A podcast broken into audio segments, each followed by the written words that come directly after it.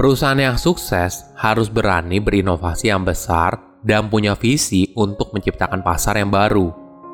Halo semuanya, nama saya Michael. Selamat datang di channel saya, Sikutu Buku. Kali ini saya akan bahas buku Zero to One karya Peter Thiel. Sebelum kita mulai, buat kalian yang mau support channel ini agar terus berkarya, caranya gampang banget. Kalian cukup klik subscribe dan nyalakan loncengnya Dukungan kalian membantu banget supaya kita bisa rutin posting dan bersama-sama belajar di channel ini. Buku ini membahas soal filosofi dan strategi bagaimana sebuah startup bisa sukses. Semua ini berasal dari pengalaman Peter dalam mendirikan dan menjual PayPal, kemudian berinvestasi di Facebook, dan akhirnya menjadi miliarder. Peter adalah pribadi yang cukup unik dia merupakan pemain catur profesional di bawah umur 21 tahun. Meraih gelar doktor dalam bidang hukum saat umurnya 25 tahun dan menjual perusahaan dengan nilai 1,5 miliar dolar di umur 35 tahun. Buku ini akan mengajarkan kita cara baru melihat inovasi. Jika kita ingin membuat sesuatu yang sangat inovatif, artinya kita mulai dari nol ke angka satu. Maksudnya adalah Bill Gates masa depan tidak akan membuat operating system. Larry Page atau Sergey Brin masa depan tidak akan membuat mesin pencarian. Pemenang masa depan tidak akan menang dengan cara-cara yang lama. Mereka tidak akan ikut dalam kompetisi karena bisnis yang akan mereka buat unik dan berbeda. Saya merangkumnya menjadi tiga hal menarik dari buku ini. Pertama, monopoli tidak selalu buruk jika sebuah perusahaan mampu monopoli, berarti tidak ada perusahaan lain yang mampu berkompetisi dengan dia. Sebagai contoh, Google adalah contoh monopoli di bisnis search engine. Berdasarkan statscounter.com, Google menguasai 92% market share di bisnis search engine. Peter punya pemikiran berbeda soal monopoli. Bagi dia, monopoli adalah hal yang bagus bagi masyarakat kompetisi yang ketat akan membuat perusahaan berusaha mati-matian untuk bertahan, sehingga fokusnya adalah efisiensi. Ini adalah pandangan yang cukup berbeda dari kebanyakan orang. Ada beberapa alasan sebuah perusahaan bisa melakukan monopoli pasar. Pertama, perusahaan melakukan strategi dan taktik yang curang terhadap kompetitornya. Kedua, perusahaan bisa monopoli pasar karena mereka mendapat kontrak atau lisensi dari pemerintah. Ketiga, perusahaan berhasil monopoli pasar karena produk yang mereka jual inovatif dan unik. Ketika Peter bicara soal monopoli, yang dimaksud adalah poin nomor tiga, di mana perusahaan lain akan berguguran dalam seleksi alam, dan hanya perusahaan terakhir yang mampu bertahan karena produknya yang inovatif dan unik. Dalam dunia yang statis, monopoli adalah pilihan yang buruk. Perusahaan akan berusaha menaikkan harga setinggi mungkin karena mereka tahu konsumen pasti akan membeli. Tapi di dunia yang dinamis, monopoli dapat meningkatkan kreativitas. Contoh nyatanya adalah hak paten.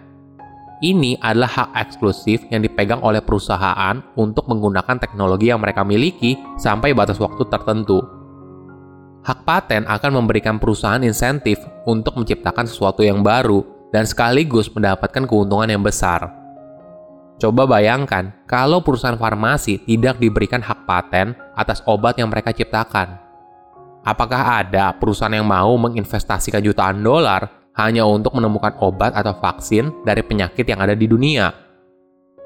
Untuk bisa bersaing di masa depan, startup atau perusahaan harus mampu berkembang dengan cara yang berbeda. Peter membaginya menjadi dua tipe, perkembangan horizontal dan perkembangan vertikal. Perkembangan horizontal adalah ketika sebuah perusahaan membuat perubahan kecil sedikit demi sedikit. Dalam kegiatan ekonomi pada umumnya, perusahaan hanya mengikuti pola ini dan mencontoh sesuatu yang sudah ada dengan sedikit pengembangan. Ini merupakan cara lama. Pendekatan kedua adalah perkembangan vertikal. Ini merupakan cara kerja yang jauh berbeda Perkembangan ini hanya bisa dicapai apabila kita melakukan sesuatu yang hampir seluruhnya baru. Artinya, kita bergerak dari nol ke satu. Kedua, fondasi sukses perusahaan. Awal dari semuanya adalah fondasi yang tepat. Jika kamu ingin membangun bisnis, kamu harus pilih co-foundermu dengan baik. Jangan pilih sembarang orang. Maksudnya adalah, kamu harus lihat apakah integritasnya baik, saling melengkapi, dan ada visi yang sama antara kalian. Jangan berpikir kalau teman baik adalah co-founder yang potensial. Belum tentu. Banyak kasus orang berhenti berteman ketika bisnisnya pecah kongsi Memilih co-founder itu ibaratnya mencari pasangan untuk menikah. Butuh komitmen panjang untuk selalu bersama selama bisnisnya berjalan. Dalam membangun fondasi awal perusahaan, kamu harus membuat tiga keputusan besar soal ownership, possession, and control. Ownership untuk menentukan siapa yang memiliki saham dari perusahaan. Biasanya, ownership dibagi antara founder dan investor tapi juga bisa dibagi ke karyawan inti. Kedua adalah possession. Siapa yang akan menjalankan operasional perusahaan dari hari ke hari. Di sini akan bicara soal pembagian tugas masing-masing orang, tanggung jawabnya apa saja, dan apa yang diharapkan dari masing-masing orang. Ketiga adalah kontrol. Siapa yang mengendalikan perusahaan? Biasanya merupakan dewan perusahaan yang terdiri dari founder dan investor Hal penting berikutnya adalah dalam hal merekrut karyawan. Ketika membangun perusahaan, kamu juga harus memikirkan budaya kerja apa yang ingin kamu ciptakan. Untuk menarik karyawan yang berkualitas, kamu harus beritahu mereka kalau perusahaanmu unik dan penting. Jangan berusaha menarik mereka hanya berdasarkan gaji atau tunjangan pendukung. Yang kamu butuhkan adalah karyawan yang setia dan memiliki visi yang sama dengan kamu Hal ini penting di saat awal membangun bisnis. Ketiga, jangan lupakan sales dan marketing. Membuat produk yang unik tentu saja penting. Namun, marketing adalah hal lain yang tidak kalah penting. Walaupun produk kamu unik dan bagus, tapi tidak ada yang tahu bagaimana orang bisa mencoba dan kemudian suka dengan apa yang kamu buat. Tidak peduli apakah kamu baru mulai atau sudah besar, investasi pada sales dan marketing adalah prioritas utama. Untuk membuat penjualan kamu efektif, kamu juga harus mengetahui cara menjualnya. Ada contoh yang menarik. Sebelumnya, Peter merupakan co-founder dari perusahaan data analisis bernama Palantir. Perusahaannya tidak butuh banyak klien, karena satu kontrak klien bisa menghasilkan jutaan dolar. Oleh karena itu, CEO dari perusahaan ini yang bertugas langsung untuk melakukan dealnya. Hal ini karena ketika kontraknya deal, klien pasti akan menghabiskan banyak waktu dengan level eksekutif perusahaan. Itulah sebabnya hubungan personal sangat penting. Ada contoh lain. Apabila satu deal hanya menghasilkan ratusan ribu dolar, tentu saja tidak efektif apabila CEO yang langsung bertanggung jawab. Karena gajinya terlalu besar apabila hanya untuk mengerjakan hal itu. Maka itu, pilihan yang lebih ideal adalah menggunakan tim penjualan untuk mewakili perusahaan.